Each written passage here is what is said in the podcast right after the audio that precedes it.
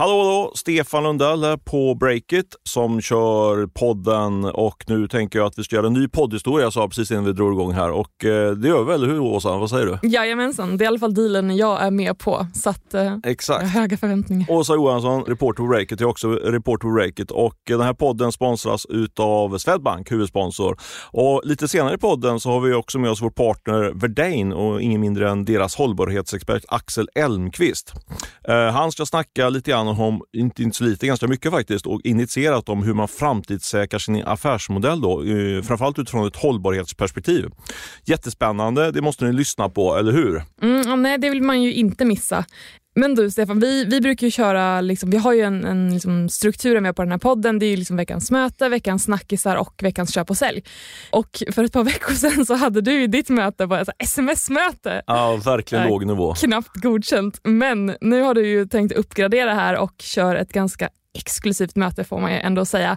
Och ditt möte sitter här i studion. Ja, visst är det. Jag började med sms och sen så körde vi lite telefon tror jag med eh, var det Tom Jakobsson nere från eh, Palma och eh, tänkte att fasen det måste vara ännu bättre. Så nu har jag faktiskt eh, bjudit in ingen mindre än Johan Krona som jag kallar för SAS-gur. Jag ska prestera honom snart. Du sitter här bredvid mig i studion Johan. Du kan få säga hej. Hej, hej. Hej, hej. Kul att vara här. Men jag tänker ändå bara göra lite kontext för du är ju expert på det här med SAS och SAS är ju ett ämne som vi är väldigt eh, intresserade av och exalterade av både i podden och på Breakit. Jag tänker att du skulle definiera, vad är SAS egentligen? Men SAS är ju, eh, handlar om mjukvara, så det innebär ju att man som bolag bygger sin mjukvara och levererar den i molnet. Så alla kunder till ett SAS-bolag kör ju kan man säga, samma mjukvara. Och den stora skillnaden med SAS mot hur det var förr i tiden, inte alla som vet, men då installerar man ju mjukvaror lokalt på en server. Man kom med en diskett eller en CD-skiva eller installerar något. Då hade ju varje kund sin egen version av mjukvaran. Men idag delar ju alla kunder på samma mjukvara. Och Just det här det. gör ju att man kan eh, sprida mjukvara mycket, mycket mer effektivt. Och det har ju möjliggjort massvis med innovation kring eh, nya mjukvaror som löser olika problem mycket effektivare. Och affärsmodellen är ofta att det är en prenumerationsbaserad modell Exakt, så det är också en innovation i att affärsmodellen då är ju prenumerationer och kostnaden för mjukvara har ju gått ner kraftigt då, tack vare att du får skalfördelar när många kunder delar på samma mjukvara. Så att priset för mjukvara har ju sjunkit enormt de här senaste 10-20 åren. Då. Så är det och det är ett segment som har växt väldigt fort och eh, kort prestation där måste jag också säga. Du, du kör ju ett riskkapitalbolag som heter Cloud som gör investeringar inom, inom SAS. Stämmer? Redan riktiga homeruns därifrån var va? eller hur? Var? Exakt. Mm. Det var en härlig resa. Så du håller svälten från dörren även nästa vinter. Ja, absolut. Bra.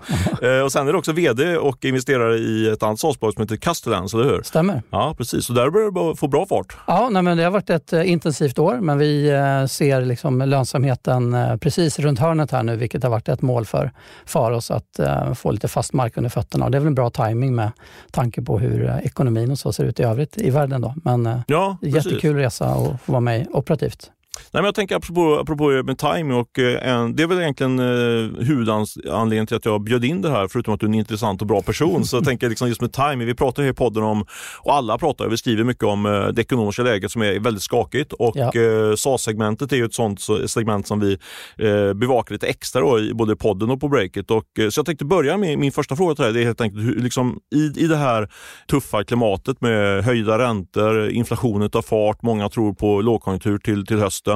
Hur mår den svenska SAS-industrin just nu i detta klimatet? Ja, men till och med nu så mår SAS-industrin väldigt, väldigt bra. Eh, jag tycker hela den här våren har varit full fart på alla bolag som, som vi är engagerade i på olika sätt. Och, och vi brukar ju börja alla styrelsemöten med att, att alla runt bordet berättar lite grann från sina portföljer eh, hur de olika SAS-bolagen mår. Och det är en samstämmig bild att, att det, liksom, det rullar på väldigt bra. Så att än så länge har ju inte det här dystra klimatet liksom synts i siffrorna i SAS-bolagen. Och de flesta SAS-bolag har ju andra företag som kunder. Och eh, där är väl fortfarande farten är uppe. Liksom. Det görs investeringar, det anställs, det, man vill eh, ha de senaste mjukvarorna då, för att prata SAS-språk. Så där rullar det på. Men det är klart, kommer den här lågkonjunkturen eller när den väl slår till så är det klart att det kommer bli eh, skillnad för en del SAS-bolag framåt. Så att alla går väl och väntar lite grann på eh, hur länge ska det hålla i sig. Då. Just det. Men om vi då utgår från att även SAS-bolagen kommer gå in i en, i en tuffare period, liksom, eftersom deras kunder kommer in, kommer in i en tuffare period. I det här oroliga läget då, som vi befinner oss i just nu och är på väg in i, då, hur ska man agera som, som SAS-entreprenör skulle du säga? Ja, men det gäller ju att hitta balansen här nu. Jag tror att det som alla såklart går att fundera på det är ju att värderingarna på marknaden har gått ner.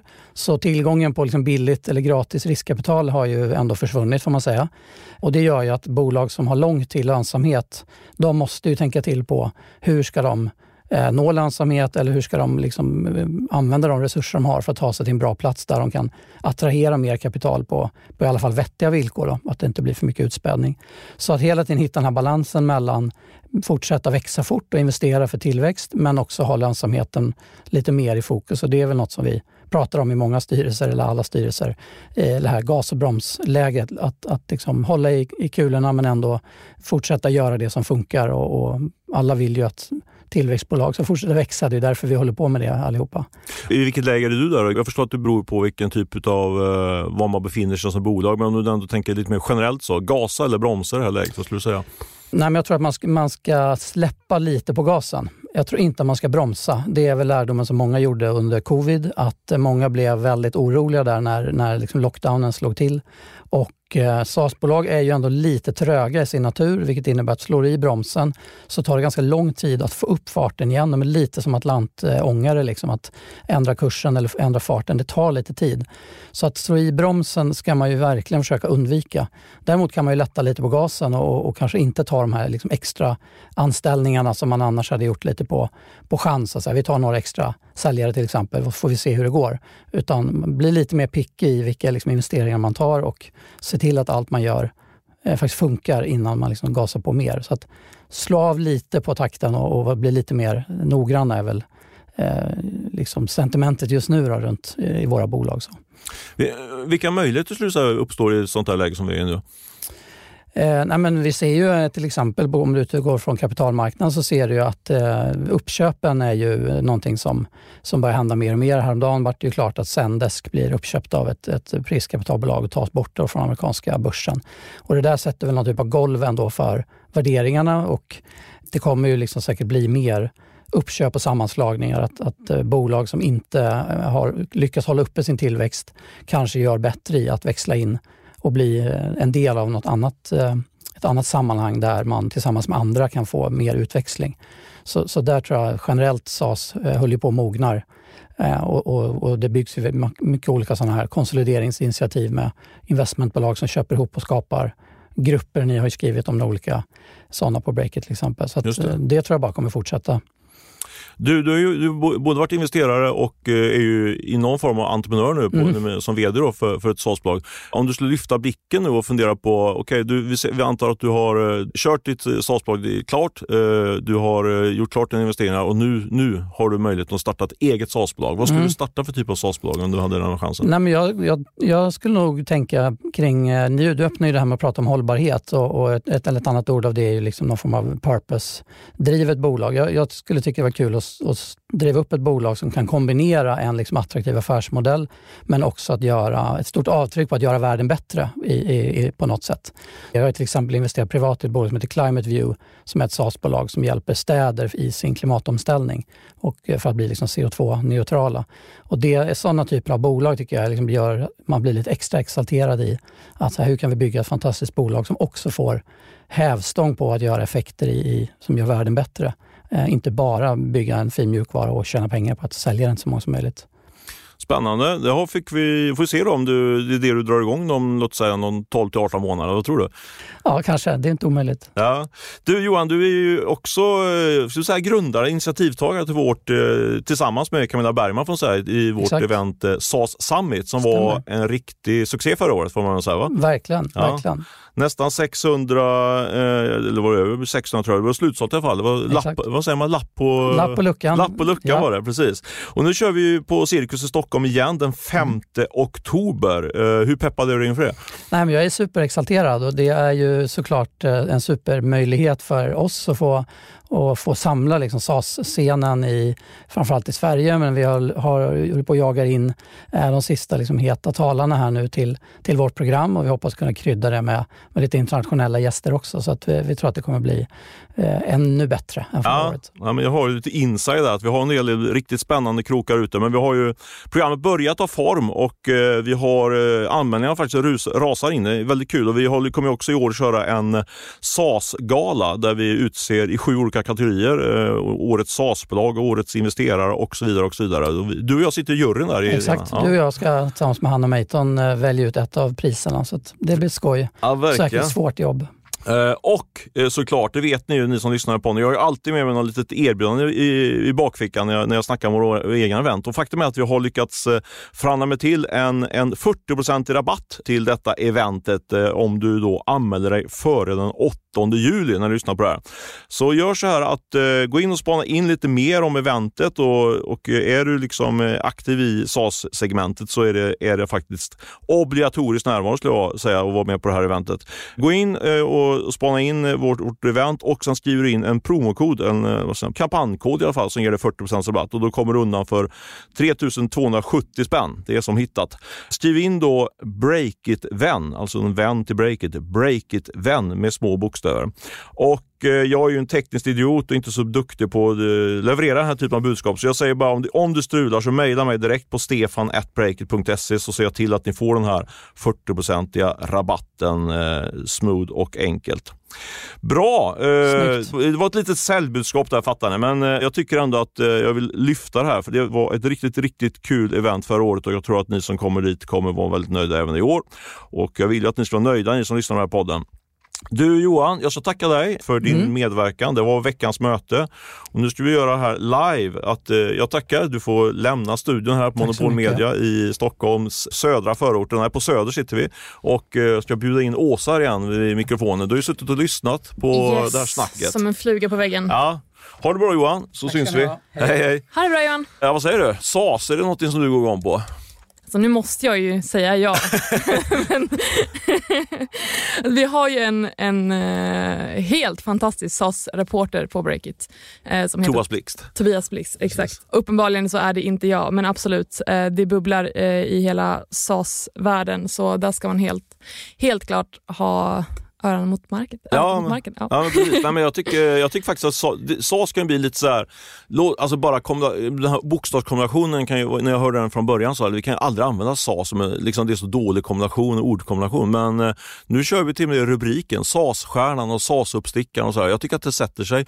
Och om man lyfter blicken så tycker jag ändå att det är, och kopplar det här lite grann till, till Breakers vision och göra, göra världen bättre med, eh, genom att vara en del av, utav ett ekosystem som gör världen bättre. Mm. Eh, var lite slängvision där. Men ja, eh, så är det liksom, om man tittar på så är det ju, det skapas så extremt mycket effektiviseringar i, eh, i näringslivet och samhället tack vare SAS-modellen. Liksom. Eh, vilket gör att det frigörs mer resurser och vi kan göra samhället bättre. Så jag tycker att det, ja, men jag är väldigt exalterad över hela SAS-modellen måste jag säga. Och Breakit är också ett SAS-bolag, eh, lite grann i alla fall, som har en prenumerationsmodell där.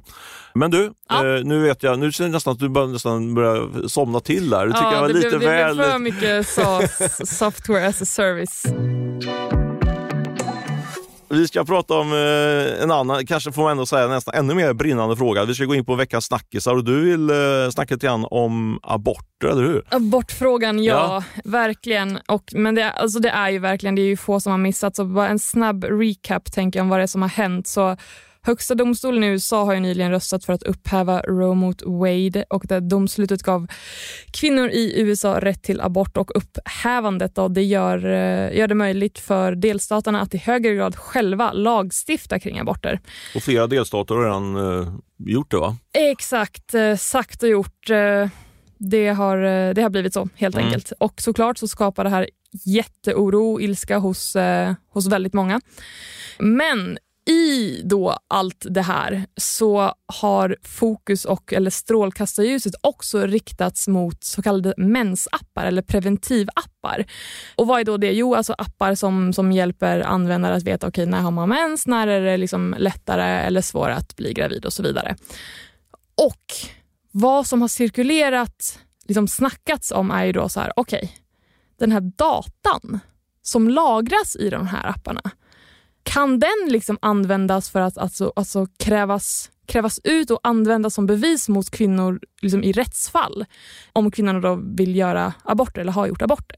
Just det. Ja, för jag, jag, min polett ramlade ner lite sent där. Vi höll på att prata om det här igår, men om jag fattar rätt så är det helt enkelt man, man kollar det, alltså, rädslan är att man ska gå in och titta på om eh, en kvinna har använt den här, den här appen och sen så upp, upphör hennes mens och då drar man slutsatsen att hon har blivit gravid och sen så uppser man att hon inte, inte fått något barn och därmed kanske då brutit mot lagen och gjort en olaglig abort. Är det så liksom, tankegången liksom den... Ja, men någonting sånt. Liksom, mm. att man, man, tänker att okay, man ser på den här datan, okay, men nu har det någonting som har hänt här. Den här kvinnan borde kanske vara gravid men hon är inte det exempelvis, eller mm. var inte det under tiden. Så den här, de här diskussionerna går ju verkligen eh, heta och det har ju lett till alltså, nej, som upprop om att så här, nej, men, okej, vil, vilka appar är säkra att använda? Kommer datan stanna här? Eller kommer datan som en, en användare liksom lägger upp kunna begäras ut mm. av nej men i, liksom, i rättsfall eller hur, liksom, vilka inom bolaget är det som har koll på den här datan är helt och hållet anonymt. Och vet att eh, sajten Techcrunch har rapporterat om att det är ganska många som har bytt appar under då den här senaste tidsperioden. Och vi har väl en tydlig svensk koppling också med Natural Cycles, den svenska Exakt. appen. De är, de är väl nästan, jag vet inte, världsledaren inom det här. En av de största eh, apparna i alla fall. Ja, men de har i alla fall hamnat i ropet nu och medgrundaren och vdn på det här bolaget som heter Raul Cervilcel Ja, nu, nu får vi uttala det så helt enkelt. Raul. Ja, Raul. Jag, som jag satt bredvid på Saab 46 faktiskt. Jaha. Ja, vet du vad Saab 46 är? Nej. Det var väldigt hett för uh, tiden går, men för fem sex år sedan. Det är en startup-hub som nu går rätt uh, skakigt. Aha, okay. Men då borde du veta hur man uttalar hans efternamn. Nej, jag Nej. sa bara Raul till honom. All right. ja, men du, åter, åter till allvaret här. Ja. Men de, det här bolaget, eh, Natural Cycles, då har i alla fall sagt till Breakit att de förberedde sig på det här beskedet redan innan det kom. Och Bolaget skriver bland annat på sin sajt att nej, men de har fått frågor från användare liksom i USA. Hur säker är deras data? Bara kasta ut frågan till dig, så här, när, mm. när du hör det här, vad, vad tänker du? Liksom? Är det så här, nej, men självklart så kan man använda sådana appar för det är ju säkert liksom, sett till dataskydd. Men jag, vet inte, jag, jag, tycker ju spontant att det känns som det är ganska lång, långt, eh, ett långt steg mellan att man använder, använder den här appen och sen så att någon då ska gå in och, och, och skanna av den här eh, informationen, dra slutsatsen att du varit gravid och sen gjort en illegal abort liksom, och sen så hamnar du i domstol. Så tänkte jag först, men sen, tänker man, sen, sen inser man ju liksom hur laddad den här frågan är och eh, i båda lägren så att säga. Så det är väl, och det finns stora resurser liksom i lägret eh, abortmotståndare. Liksom sådär. Så egentligen när man börjar fundera på det, det, det är ju absolut en risk. Liksom. Jag skulle tycka att det var, bodde jag i Texas och använde den här, den här appen, då skulle jag nog börja, då, då blir det mycket närmare. Liksom. Mm, eh, mm. Så absolut. Jag, först tänkte jag så här, ja, men det där känns lite långsökt, men nu när man börjar fundera lite mer djupare på det mm. så fattar man att det är en issue. Liksom. Mm. Och sen är det också till det att man, hela, alltså man lyfter liksom hela, hela diskussionen, eller kolla, det är just det här med data. Liksom. Mm det kommer ju gång på gång på gång att data läcker. Liksom. Det, man kan inte lita på det. Alltså, företagen säger ju alltid att det här det, det är lugnt, liksom, sådär. Mm, men det, mm. det, det är samma grundinställning att det är ju inte lugnt. Liksom. Det, det läcker ut på ett eller annat sätt. Liksom. Ja, nej, men precis. Och då åter till Natural Cycles mm. så har en person som heter Agnes Ahlqvist, hon är då pressansvarig för Natural Cycles i Sverige. Eh, hon har skrivit till oss på Breakit att bolaget alltid har tagit dataskydd på största allvar och att bolaget nu arbetar på ytterligare lösningar för att ta fram en ny anonym tjänst. Så det är liksom inte anonym, i dagsläget är man inte helt anonym med andra ord, eller? Nej, alltså jag tolkar det som att nej men de ska ta fram en ny anonym tjänst. Då tänker jag att det är liksom, det kan ju inte vara anonymt till viss gräns. Antingen är det anonymt eller så är det inte anonymt. Mm. Men det ska bli ännu säkrare om jag tolkar det rätt helt enkelt. För hon skriver också eh, till Breakit att de arbetar med att ta fram ja, då den här helt anonym upplevelse eh, och att det är nu den högsta prioriteten. Eh, men att det är en ganska omfattande teknisk uppdatering Um, och ja, Hon vill inte gå in på några detaljer om hur det kommer fungera men att målet är i alla fall att ingen, inte ens de som jobbar på Natural Cycles ska kunna identifiera användare. Så något form av inkognito-läge tolkar jag det som.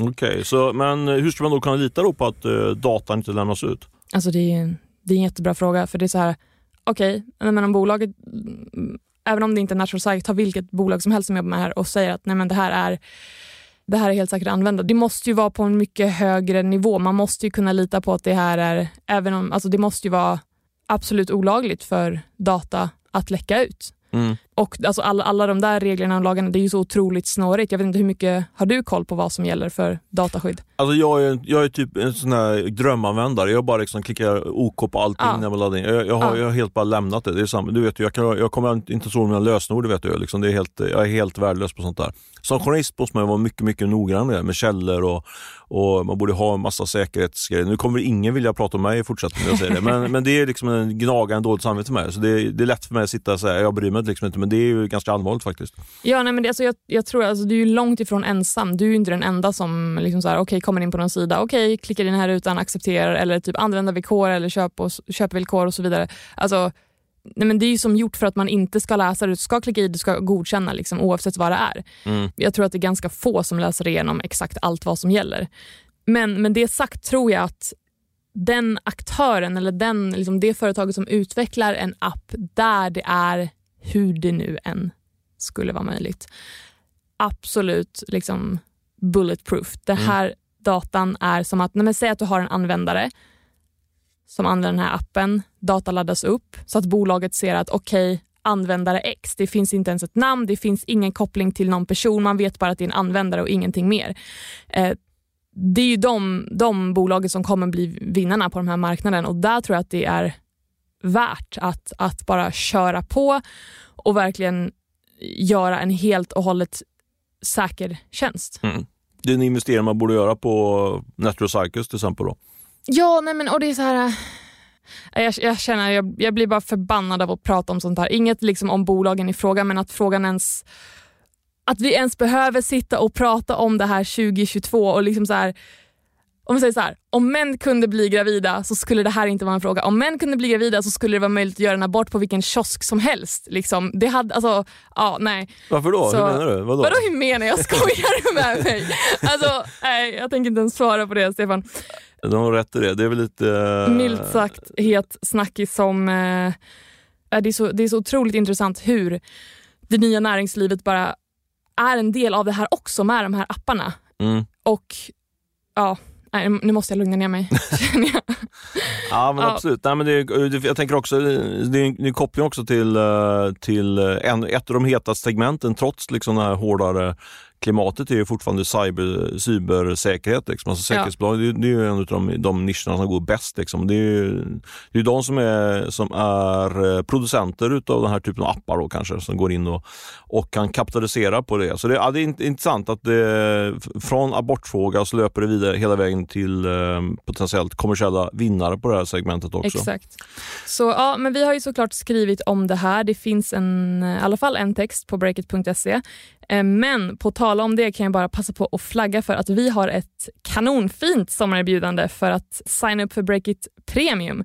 För vi har ju nämligen släppt en app och det firar vi Exakt. såklart. Och det gör vi med att eh, nya läsare eller läsare som ännu inte har eh, skaffat premium får testa det för en krona i månaden hela sommaren. Och då är det bara att signa upp med koden BREAKITSOMMAR, ett ord, stora bokstäver. Så eh, ja, är bara, bara att köra. köra. Ja. En spänn. Jag var ute och kutade med min granne igår kväll. Han sa, stämde det att det bara var en krona? Han liksom, finns det ingen hake där? och jag, jag sa att ja, det är alldeles för billigt. Men, men, men vi får bjuda på det. Det är ju många mediebolag som kör såna här kampanjer och vi har liksom in i det längsta tänkt att ah, ska vi testa? Men ja, det, känns, det känns lite, det smärtar lite grann att lämna bort så bra innehåll för, bara för en spänn. Men vi tänk, min tanke är, vårt baktanke är såklart att ska signa upp och inse hur bra det här är liksom, och sen bara köra på. Nu rullar vi in på eh, veckans snackis nummer två, eller hur? tycker jag? Jajamensan. Och det är, har jag förstått, lån. Mm. Eller är det, ny, är, det, är det nya svarta som man kan säga? Ja, det kan vi göra. Vi, får, vi måste eh, eh, hotta till det här lite grann. Annars bara zoomar folk ut lån. Ja. Men jag tycker detta är intressant. Det är lite grottigt men, men eh, det är en väldigt spännande trend. Och jag fick den top of mind i, i måndags för då kunde vi faktiskt avslöja att Naked, den modesajten, Mm. de har säkrat en finansiering på 600 miljoner kronor. Och det är ju intressant i sig. Vi kan snacka mycket om Naked. Det, det, det känns som det är ganska skakigt där borta på, i Göteborg där, där de har sitt huvudkontor. Men eh, det som jag tyckte var intressant också, det var att eh, de plockar in 600 miljoner kronor, men det är bara, det är bara 200 miljoner kronor som går in i, eh, i aktiekapital, eget kapital. Och sen är det 400 miljoner kronor som är lån. Okay. Ett så kallat mezzaninlån som betalar ganska hög ränta för, 10-15 procent i ränta, vilket är väldigt högt. Men det där är en datapunkt på att, på att lån är på väg att bli mycket, mycket hetare i startup och techsektorn. Så du tror alltså att techbolag kommer att låna istället för att ta in riskkapital? Är det korrekt? Ja, men exakt. Eller rätt sagt, de kommer, eh, andelen lån kommer öka på, på bekostnad av riskkapital. Jag tror inte riskkapital kommer försvinna på något sätt. Men, men, det där är ju, varit, liksom, skulle jag säga, varit en eh, missmatch eller en fel, en snedfördelning under ganska många år. Att, särskilt i Sverige faktiskt. Det här är vi väldigt förtjusta i riskkapital. Mm. Och eh, det är liksom, drar man igång en startup som har tillväxtambitioner, inklusive Breakit, mm. då, är det liksom, eh, då är det riskkapital som har gällt. Att man, att man då säljer en del av sitt bolag och får in kapital. Mm. Istället för att man går till, till banken eller till andra aktörer och lånar en del av pengarna. Och Det där är ju, tror jag är lite feltänkt faktiskt, för riskkapital är ju, eh, nu börjar det bli lite, rörigt där, men det, ja, det, det är, det. nej det, det har inte blivit rörigt än. Nu, det, det, nu, det är nu det kommer bli rörigt. Nej, men riskkapital är faktiskt det dyraste sättet att finansiera ett företag på. Eh, för att? Jo, men för att om du tar in en riskkapitalist eller en investerare som ska investera, mm. då vill de ha, om det går bra, 20-25% i avkastning. Och Det är ju liksom indirekt den räntan du betalar till... Mm. till eh, och tar du ett lån då, som jag sa med mm. Naked, då, då betalar du kanske 15 ränta. Mm. Och har du ett lite mer stabilare modell än, än Naked så kanske du är ner en, en bit under 10% i ränta, kanske 5 ränta.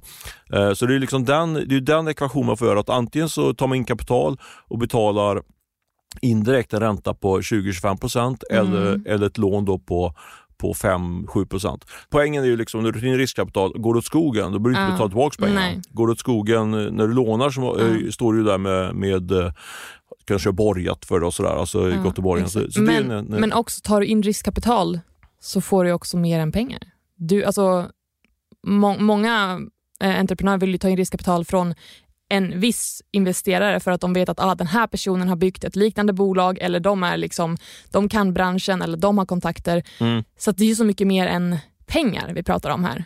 Mer än från ja, eh, banken? Både ja och nej. Skulle jag, säga. jag håller med dig på ett sätt. Eh, dels, ibland tycker jag det är lite bullshit när alla investerare, investerare pratar om att de, de tillför så mycket mer. De, nätverk och hjälp till med rekrytering och så vidare. Bla bla bla kan man säga. Men samtidigt, jag håller med dig också. Det, absolut så får man ju något mer om man får rätt investerare. Som vi har fått, liksom, familjen Persson är ju fantastiskt som, som har hjälpt oss jättemycket i vårt, mm. i vårt bolagsbygge. Men eh, om man ser det som en fördel då, jag håller med dig. Det, det är något, det, men det ska man då väga mot den kostnaden som är är att man plockar in eh, man får ta mycket högre ränta indirekt på, mm. på riskkapitalet. Så det där är, min poäng är så här att Tidigare har det alltid bara varit riskkapital, riskkapital, riskkapital eh, som man ska ta in. Eh, men nu håller den pendeln på att svänga och nu, nu inser fler och fler att ja, men det kanske är bra att ta in en del, en del i alla fall ut kapitalet i form av lån. Och Sen är det också det är lite grann under galgen så att säga som man vänder sig. För grejen är ju nu att eh, riskkapital, det är mycket, mycket svårare att få in riskkapital. Och eh, då, då, ställs man också som, som eh, entreprenör, i, som i till exempel Naked-fallet, där drar man ju ner eh, värderingen ganska mycket. Ja. Och särskilt om man tar in nya ägare, så då, då, står man, då, då kan man tänka så här, okej, okay, ska man ta in eh, kapital till en eh, mycket lägre värdering, får man skicka iväg ännu mer av mm. sitt bolag mm. i form av eh, aktier. Eller ska man ta in lite mindre, mindre kapital och då, då eh, får man fortfarande skicka iväg bolag till en lägre värdering, men man, tappar, man blir mindre utspädd. Så Och sen så tar man in eh, en, en del av det kapital man behöver i form av lån och sen så hoppas man att det ska bli mycket bättre tider om ett år eller två. Då hinner man betala av lånet och värderingen kan gå upp och man kan ta in kapital till en högre värdering. Så det man får, det som, Eh, som alla snackar om nu, det, eh, vi sa här innan podden också att eh, det nya buzzword, buzzwordet är ju runway. Känner du till det? Alltså när du säger runway till mig, det kan du, alltså, jag hör ju bara alltså, alltså en sträcka asfalt som man använder när man ska lyfta och landa ett plan. Det är allt jag relaterar ah, till. Vad bra, så, bra. Jag ja. kan ju inte, jag kan, som du vet, jag pratar inte engelska, så jag använder bara engelska uttryck, jag vet vad det betyder på riktigt. Men det var kul att veta vad det verkligen betyder. Så det är liksom själva landningsbanan då på... Ja, en startsträcka. Liksom. Ah, intressant. Ja. Ah, okay. ah, men för, då fattar jag ännu mer. Men runway är ju helt enkelt att man får, eh, man får uh, mer tid på sig, så att säga. Man, man, man tar in kapital och får en mm. längre tid på sig och, och, och, och driva bolaget. Så nu är det i alla fokus. sense. Du vet, man drar ner kostnaderna, vilket innebär att man får mer runway och man tar in kapital då för att få en högre run, Mm. längre run. Vad, vad ska jag gå vidare på nu då? Jo, men jag, jag, vill bara ta ett Ah. exempel på det, på det där. Ja. Är, du, är du okej att jag babblar på? För jag tycker Ja, det- kör, kör, kör. Kör. men för jag Så kommer jag grilla med... dig med frågor sen. Ja, det är bra. Jag tycker det är intressant att liksom lyfta upp. Naked är en sån datapunkt. Och sen, sen snackade jag med en, en person igår som är, som är aktiv i den här lånemarknaden. Och jag tyckte han gav en väldigt intressant bild av ett bolag. För ganska länge sedan fick de uppdraget att hjälpa det här bolaget med, med finansiering av deras ny, nya deras B-runda som innebär att de ska ta in kanske 150-200 miljoner kronor som kapital. Och då var fokus, då hade de dels en lånerådgivare och en eh, aktierådgivare för att ta in liksom, eh, riskkapital. Så de ska hjälpa till med lånet och den andra rådgivaren ska hjälpa till med riskkapitalet. Mhm. Eh, så upplevde. Och då var, då var snacket då när de höll på att eh, pitcha upp det här bolaget.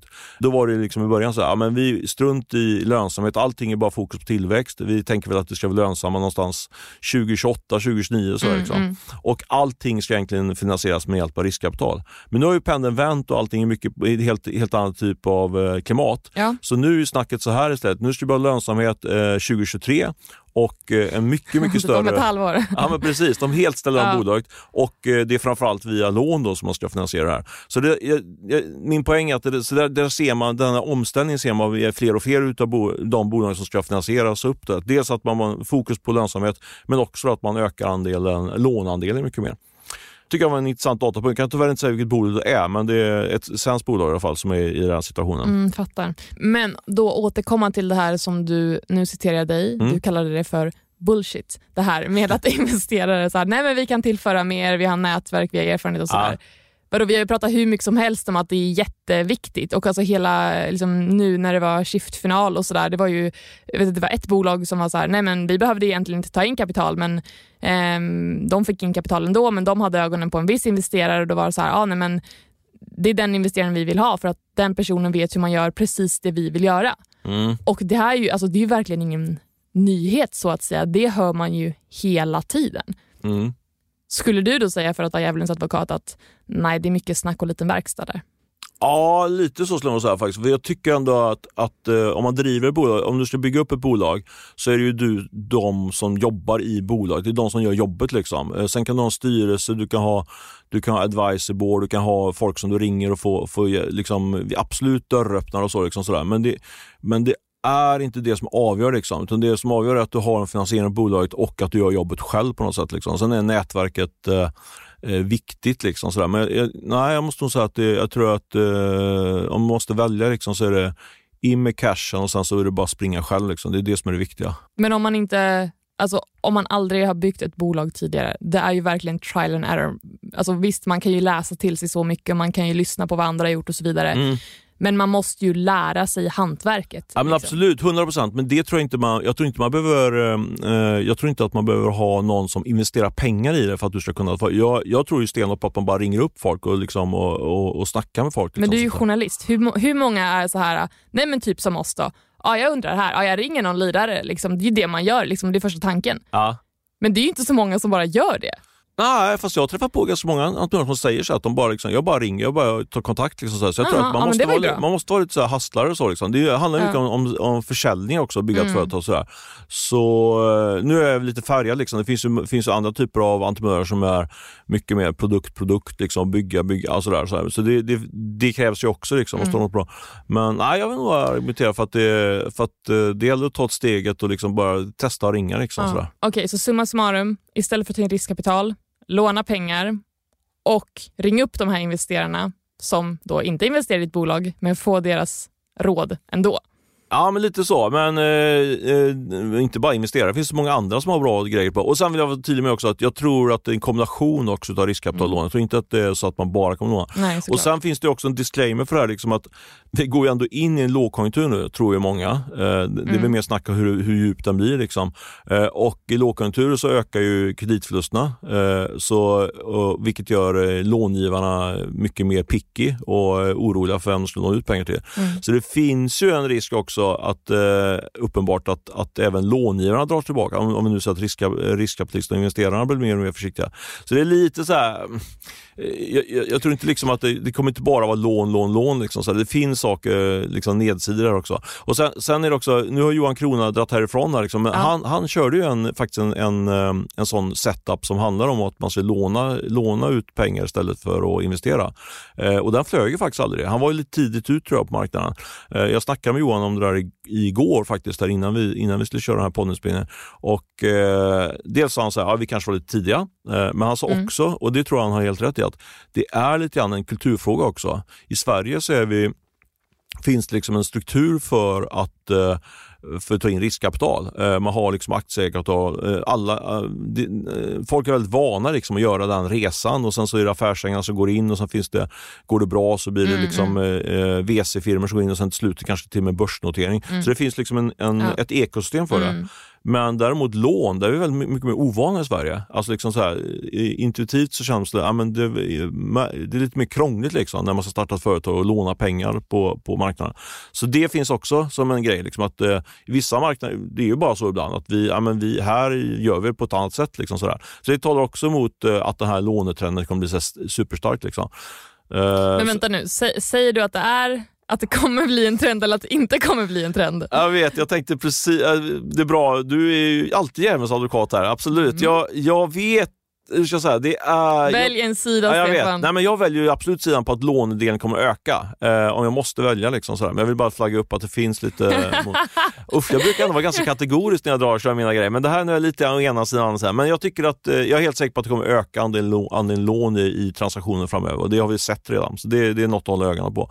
Och jag är väldigt peppad på att skriva en, eh, en lite mer initierad premiumartikel om det här. Vilka som är spelarna och så här på den här marknaden. Och så. Jag, tycker, jag tycker det är väldigt spännande. Helt Mm, ja, den måste man ju läsa. Ja. Jag kommer läsa den i alla fall och alla ni som blir premiumprenumeranter i sommar. Nu ska vi rulla in i vårt tredje segment, veckans köp och veckans sälj. Eh, vem ska börja? Jag börjar. Du börjar, härligt. Jag börjar med veckans sälj. Mm. Och jag, jag tror att det är vårt infrastrukturdepartement som ska säljas. Säljas? Oj, hela, Ja. hela info. Ja, Sälj, Hårda sälj rubbet. Ja. Ja. det är det. Eh, nej men så här, eh, våra vänner på Dagens Industri rapporterar i morse eh, om att eh, den här digitala brevlådan Kivra Mm. används av fem miljoner svenskar. Det är ju en hel del folk. Eh, An- Använder ändå. du? Jag. Jag med. Jag tycker det är faktiskt en väldigt bra tjänst. Men det här bolaget... Okommenterat sa du. Ty- ty- Tycker du också är bra? Alltså jag använder det. Ja. Ja. Jag sa, tycker det är väldigt bra tjänst och du är bara helt tyst. Ja. Hur som helst. Eh, det här bolaget saknar fortfarande ersättning från staten fast det är liksom staten som står för runt en tredjedel av all post som skickas via Kivra. Vad, vad rapporterade om att det fanns en tidigare plan om att en, en ersättningsmodell skulle vara på plats, på plats nu vid eh, halvårsskiftet. Men det här beslutet har skjutits upp ett flertal gånger. Eh, vilket innebär att, att eh, Kivra då har snuvats på en årlig intäkt om 45 miljoner kronor. Mhm. De åker snålskjuts, staten. Ja, de åker snålskjuts. Och Det här är också en av anledningarna till varför bolaget fortfarande går med förlust då, enligt Kivra. Så ja, sälj säger jag. Sälj eller, eller betala kanske man kan säga. Ja, Mm. pengarna på bordet. Pengar på det. Som Mm. tur var så är de ju, har de ju massa miljardärer i ägar, ägarkretsen där på Kry, så de, eller inte så jag, Kivra. Så de kommer väl, de klarar, de har, även de håller svälten, ja, jag ska inte säga det en gång till, jag har sagt det så gång, men de, de klarar det ett tag till. Men det, jag håller med dig, det är väl rimligt att staten betalar för sig. För den, den där tjänsten löser verkligen problem tycker jag för, för medborgarna.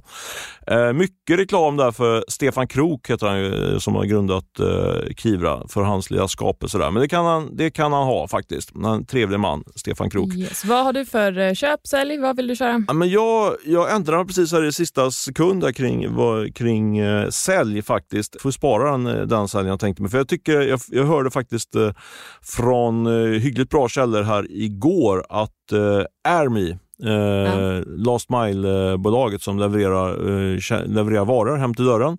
Det går riktigt eh, tufft för dem. Och eh, när jag tänker vidare på det så, så, så tror jag också att det stämmer ganska mycket det. För det, det är obekräftat det här jag pratar om mm. nu, men om man tittar på bolaget så är det så att eh, deras konkurrenter har tagit in väldigt mycket kapital mm. eh, och jag vet att RMI skulle ta in eh, ett par hundra miljoner kronor här under året. Det, var, det är planen. Liksom. Eh, och tittar man på, på deras eh, senaste bokslut och även hur det går nu så gör de jättestora förluster. Så det är liksom ett bolag som är rätt dåligt, i rätt dålig fas kan man säga med, med verkligheten nu. När alla vill se vinst så är det ett bolag som har liksom, eh, stora förluster, går, går med mycket, med, med, ja, torskar mycket pengar helt enkelt. Mm.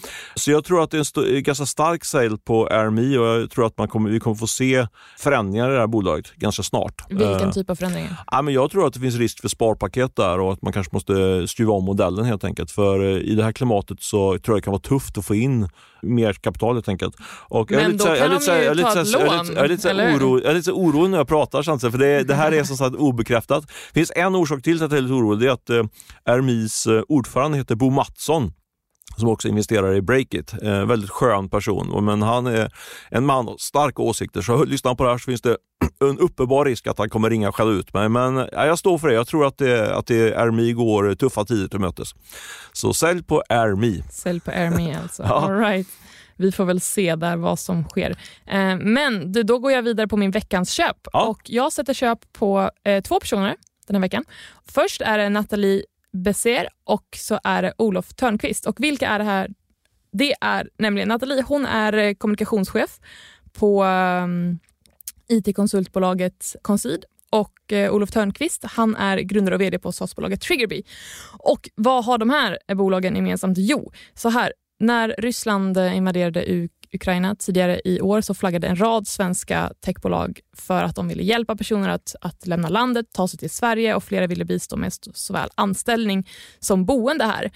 Och Jag pratade med Consido här, eller eh, Nathalie på Consido här om dagen och de sa att nej, men de tog höjd för att 50-60 pers skulle kunna komma hit med sina familjer. Men så har det inte blivit. Det är tre personer som de har hjälpt hit med anställning och deras familjer kommit hit.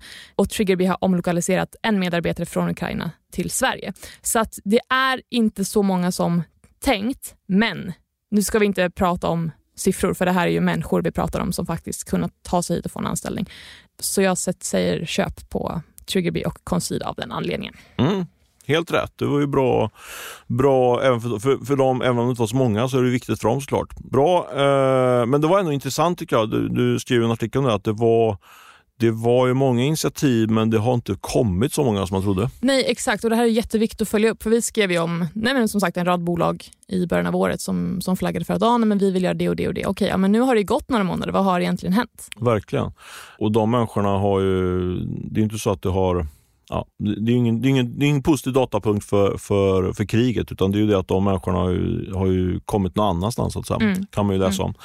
Ja, eh, du, veckans köp ska jag leverera och det är på min, eh, min eh, min får man säga partner, min, uh, min kompanjon Decca Abukar. Mm. Uh, Riktigt radarpar. Ja, det får man nog säga att vi är ja. lite grann. Vi kör ju det här, vårt initiativ Shift ihop, men nu är det en ny nyhet kring Decca. Väldigt kul faktiskt. Hon och uh, hennes, hennes medgrundare Adnan, de kör igång en, en VC-fond faktiskt, mm. som kommer investera i, i, i, entreprenörer som har, kan man säga, som är underrepresenterade när det gäller riskkapital kommer vara lite liknande det som vi fokuserar på på eh, Shift, alltså eh, duktiga entreprenörer i förorten eh, bland annat. Eh, hon har fått in kapital, ska eh, en fond som kommer att bli på 30 miljoner kronor och de kommer investera i så kallade pre-seed, alltså väldigt unga företag, ny, nästan nystartade företag. Superspännande tycker jag det där och hon backas bland annat av en av Europas bästa säga, investerare, Per-Jörgen Persson som är på Norson till, till, till vardags.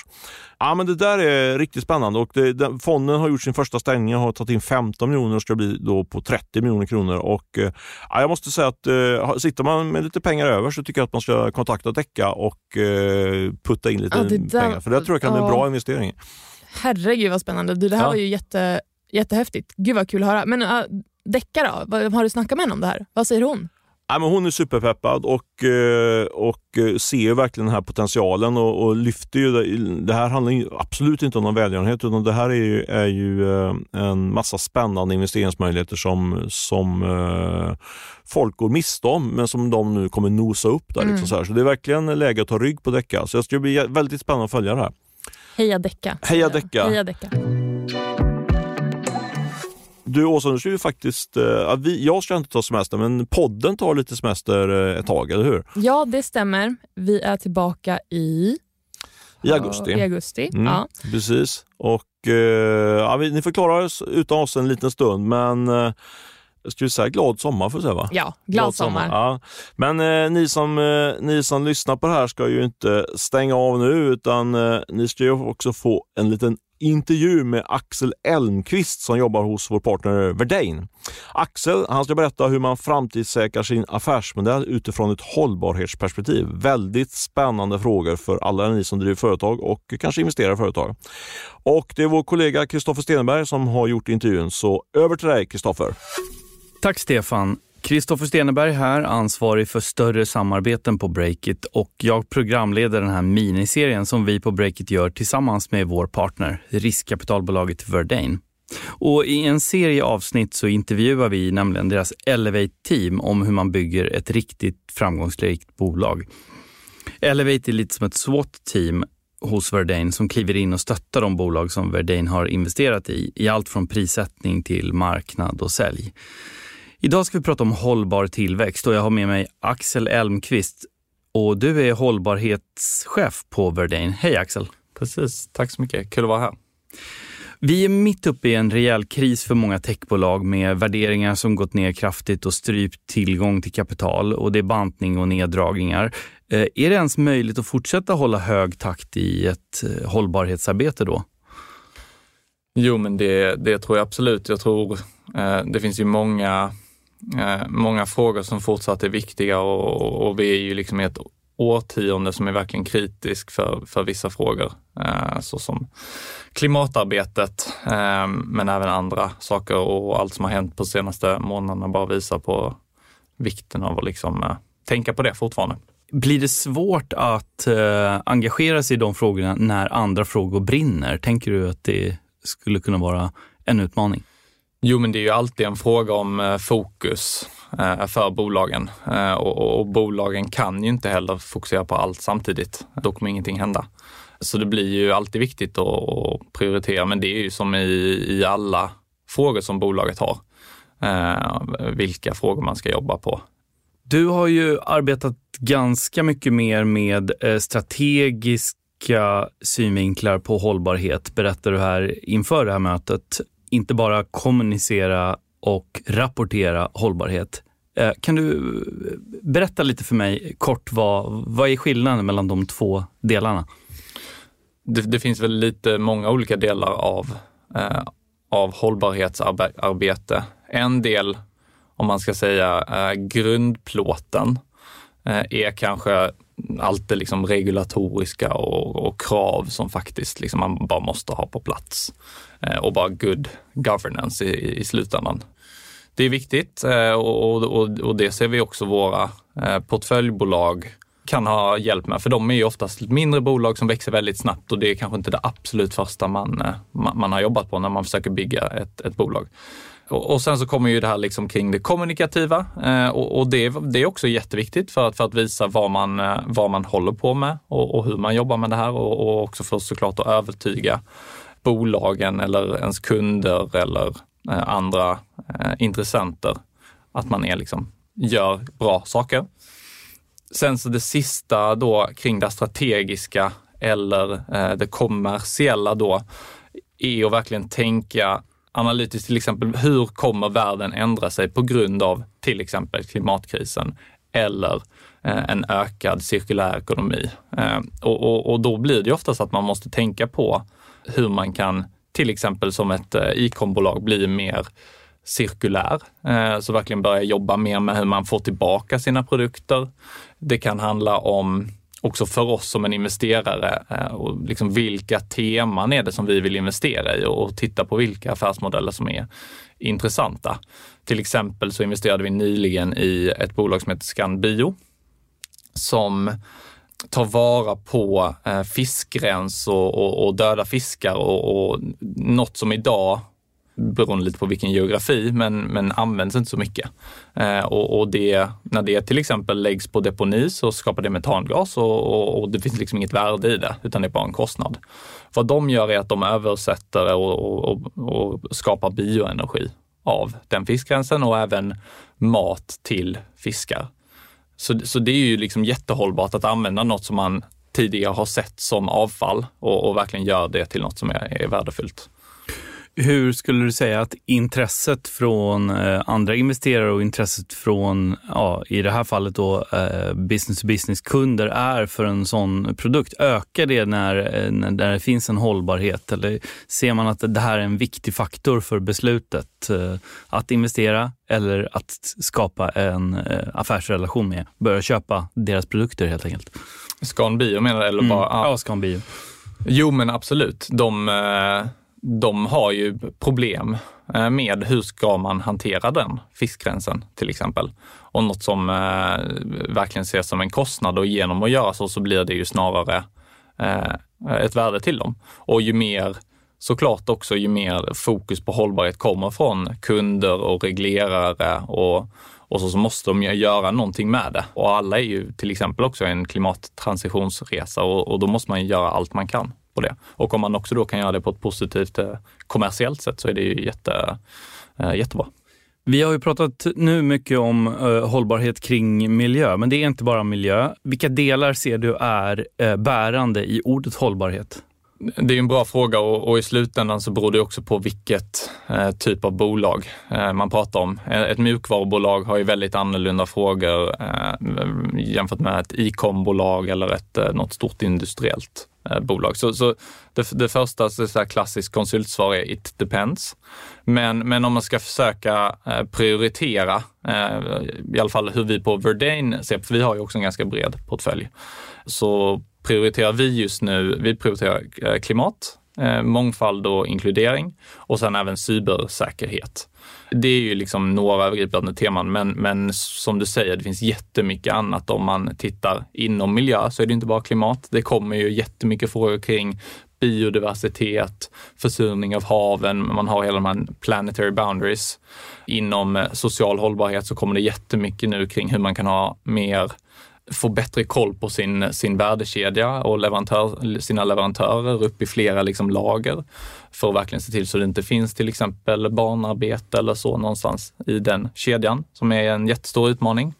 Och även inom governance så är det ju, och styrning så är det ju generellt massor med frågor också kring korruption och, och hur man bara har bra styrning och liksom och så, så många, många olika frågor. Spännande att du nämner cybersäkerhet. Jag har läst det att det börjar segla in i hållbarhetstänket. Vad är din take på det? Varför ska cybersäkerhet vara en del av ett hållbarhetsarbete? Nej, men jag tror cybersäkerhet är jätteviktigt för det är, man ser ju massor sådana här eh, ransomware eh, attacker attacker på sjukhus, man ser folk som förlorar sin data och, och, och kan därmed förlora jättemycket av sina besparingar eh, och kan publiceras väldigt privat data eh, online. Så det är väldigt mycket liksom samhällskostnader som eh, är växande på grund av cybersäkerheten. På det sättet är det liksom en stor samhällskostnad idag och då kan man ju se det som en, som en del av, av, av hållbarhet. Men, men sen samtidigt så, så är det ju också verkligen en, en eh, nyckelkompetens inom bara tech generellt. Och, och, jag tror det är också en viktig sak, att man inte ska se hållbarhet som, ja men det är hållbarhetsteamet som ska göra det här. Till exempel hos oss så är ju snarare cybersäkerhet eh, ansvaret där ligger hos, eh, hos vår CTO Henrik Berg som driver det också i vår portfölj och han är också en del av vårt eh, LV-team. Och Du har ju själv erfarenhet. Du har ju bland annat jobbat på eh, McKinseys spin, spin-off för eh, hållbarhetsarbete eh, och du kommer in med din erfarenhet. Så när du kommer in efter att Verdane har gjort en investering, vad är det första du tittar på då? Det första jag försöker titta på eh, när, när vi är då i due diligence eh, är att verkligen försöka förstå affärsmodellen av bolaget och vilken bransch det är de agerar i eller eh, jobbar i. Det är ju jätte, jätteviktigt för att då därmed kunna sen precisera lite, men vilka delar av hållbarhet är det som vi vill titta på, vad som är vad man brukar säga materiella för det här bolaget. Och därmed saker vi borde liksom spendera lite extra tid på.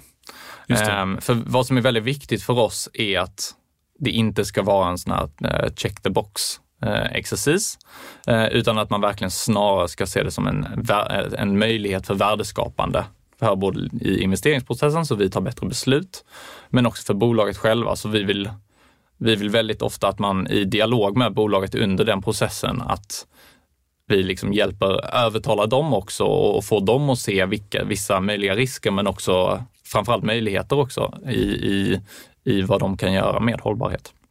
Finns det något som är något slags rött skynke för dig? Att här är, är det liksom varningsflagg? Eh, jag pratar rent generellt nu kring ett random generellt bolag. Jag vet inte om man skulle säga att det, ja, det finns ju absolut vissa beroende om man ska säga vilka typer av industrier det är de agerar i. Det, det, det kan ju vara en jättestor, stort rött, eh, rött skynke eller en red line. Mm. Sen så tror jag, om man ska säga på lite mindre eh, nivå så, så, så finns det någonting kring att om bolagen försöker försköna data lite för mycket. Och det här behöver ju inte bara, bara vara hållbarhetsdata, det kan ju också vara finansiell data. Eh, och, och, man fattar, det kommer ju alltid vara en viss försköning för att ett bolag, liksom, eller säg banken som hjälper bolaget eller vad nu än, man vill ju framställa bolaget i så positivt ljus som möjligt. Men vi som investerar spenderar ju jättemycket tid i due diligence. Så man ser vi kommer ju i slutändan se liksom vad är vad är det på riktigt liksom? Så då är det lika bra att vara transparent från början, eh, från början för det skapar också mer trovärdighet egentligen i allt. Just det. Hur, hur, gör du själv för att se igenom greenwashing eller andra saker som skrapar mer på ytan än, eh, hellre än att vara djupt inne i strategin? Hur kan du se igenom dem, eh, det, det fusket så att säga? Det är ju det är också en, en eh, en svår fråga. Jag tror det finns vissa typer av greenwashing som jag som till exempel då expert någorlunda i alla fall inom klimat eh, kan se. Så när vissa bolag pratar ju väldigt mycket om att ja, men vi är koldioxidneutrala för vi köper klimatkompensation. Och där kan man ju ganska, det, det kan jag ju nästan bortse från direkt för det är, det är väldigt, väldigt sällan det faktiskt eh, är eh, liksom det som kanske skulle krävas i, i, ett, i en sån, eh, sånt krav och, och det är mycket viktigare att se bort från det. Liksom, Okej, okay, ni säger det, men vad har ni för liksom verkligen förstå vad gör ni då för att, eh, för att minska ert avtryck till exempel? Eller om, om man tittar på eh, leverantörskedjan, att de, ja, men vi har koll på vår leverantörskedja, men då handlar det verkligen om att förstå, till exempel också förstå eh, affärsmodellen. Så att om de säger, ja men vi, vi eh, köper då widgets från, från Kina eh, och, och, man förstår sen att ja, affärsmodellen är byggt på att ha så låg kostnad som möjligt. Då blir det ju liksom en dissonans där. Då vill man ju verkligen också gå in och ta in kanske en extern part som ska också verkligen dubbelklicka på leverantörerna. Det blir lite det att man måste liksom gå in lite mer eh, mm. och, och, verkligen prata med bolaget och kanske även försöka få second liksom, eh, datapunkter som på något sätt visar eh, liksom bekräftar det vad de säger. Är det väldigt svårt, du säger liksom, du pratar om underleverantörer i Kina, att liksom dubbelklicka, jag fattar att du menar eh, eh bildligt talat, men eh, är det svårt att spåra eh, hållbarhetsarbetet i alla led, ner i alla undermappar så att säga? Det är jätte, jättesvårt på nästan den nivån att det är liksom eh, nästan omöjligt att komma, om man säger en um, att gå från till exempel en, en uh, klädestillverkare i Sverige till bonden, det, det, det liksom nästan finns inte idag. Det är väldigt, väldigt, väldigt få fall när, när man kan gå hela vägen där. Så då får man ju till viss del också förlita sig på vissa certifieringar som finns. Och sen så också uh, då där det går, liksom i alla fall försöka förstå en eller kanske i vissa fall två led och, och, och så får man göra någon, någon slags väsentlighetsanalys och titta på kanske de som uh, Eh, ansvarar för 80 procent av ens leverantörer eller något sånt där som liksom största och viktigaste. Och sen så blir det också viktigt att tänka att flexibiliteten och resiliensen i värdekedjan. För om man då känner att ja, men vissa leverantörer, det, det har varit svårt att förstå det, men då blir det fokus under ägarskapsperioden att hjälpa bolaget att skapa en mer strukturerad process. Men då kanske det blir ändå viktigt att förstå och prata med bolaget innan. Ja, men kan ni byta leverantörer om någonting skulle hända eller i den här leverantören, utan den så, så finns ni inte längre. Då blir det ju en väldigt annorlunda fråga för då blir den ju verkligen super, super nyckel och man, då måste man verkligen förstå hur den, det bolaget äh, agerar. En svårighet att spåra hela vägen med andra ord. Men jag tänkte gå vidare på dagens, liksom, dagens unga konsumenter. För många unga så är hållbarhet och etik viktigt. Det är ju tydligt. De kommer på sikt att vara beslutsfattare i bolag. Eh, samtidigt så väljer många unga killar och tjejer idag att handla otroligt billigt och snabbt mode på någon kinesisk sajt där hållbarhetsarbetet inte är i närheten av Eh, till exempel de stora eh, bolagens. Hur går det här ihop egentligen? Jag, jag får inte ihop eh, eh ekvationen riktigt. Jag, ja, jag har inte svaret eh, där heller, men jag tror det finns väldigt många svårigheter i att kunna säga vad är, vad är riktigt och vad är bara greenwashing i slutändan. Man har ju sett i forskning och kundundersökningar, kanske mer historiskt, att många har ju sagt att de är villiga att betala mer Eh, för hållbarhet eller hållbara produkter. Men sen när det kommer till kritan så har det inte riktigt realiserats utan man har fortfarande gått på pris. Liksom. Jag tror det börjar ändra sig nu och det, det ser man också. Och det är ju jätte, jättepositivt för det, kommer det kan ju verkligen vara en sån här förlösande um, effekt. Men sen det andra som jag sa, det är ett liksom komplicerat område och massa olika dimensioner. Något bolag kanske säger att de är väldigt duktiga på klimat men sen så finns det massa andra grejer som de ignorerar. Och då pushar de det väldigt hårt.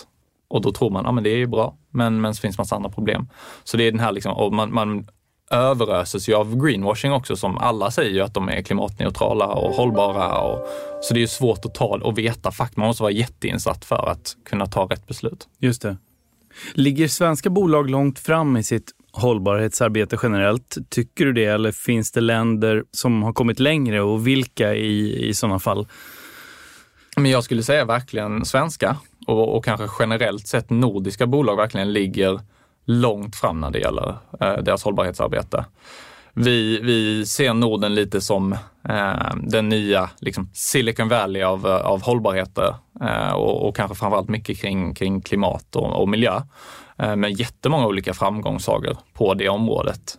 Northvolt är en sån här jätte, jättetydligt exempel.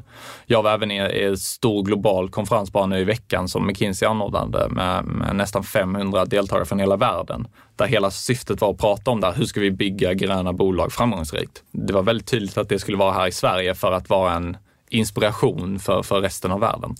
Så absolut. Mm. Eh, varför det är så? Svårt att veta, men, men vi har ju alltid varit väldigt nära naturen och miljön, så det kan säkert ha, ha någonting med det.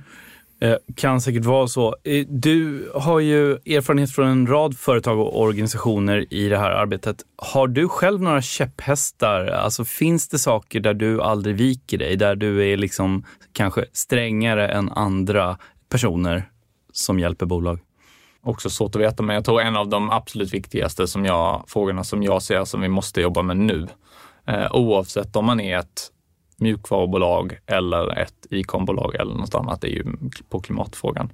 Och anledningen för det är att det är så himlans, himlans kritiskt att liksom nu verkligen jobba med det. Vi, är långt, vi ligger långt efter och, och allt tyder på att vi kommer ligga långt efter så att om ingen om, om de som känner ah, att vi har en låg klimatpåverkan, därför behöver vi inte göra någonting. Då blir det ju det blir många, många bäckar små, liksom, så alla måste på något sätt dra sitt stå till stacken nu.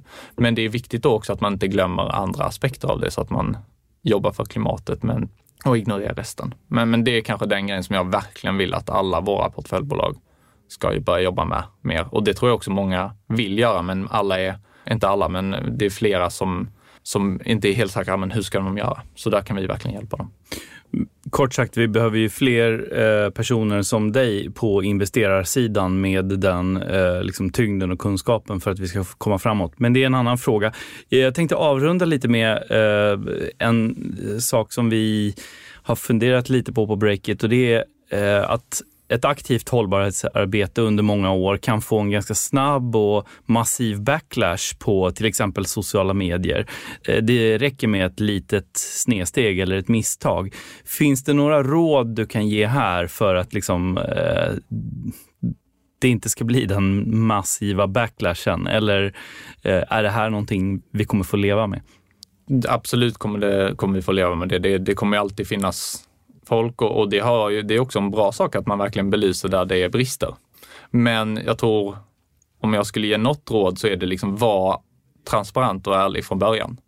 Om man visar att man är på en resa eh, och, och, och visar lite, eh, man behöver inte helt såga sitt eget arbete, det ska man verkligen inte göra, men, men att man ändå visar, här har vi fortfarande jobb att göra. Eh, och, och, det är till exempel några utmaningar så här och så här. Då blir det ju inte att man från början säger vi är perfekta, eh, eh, utan man, man ändå är på något sätt liksom visar sig sårbar.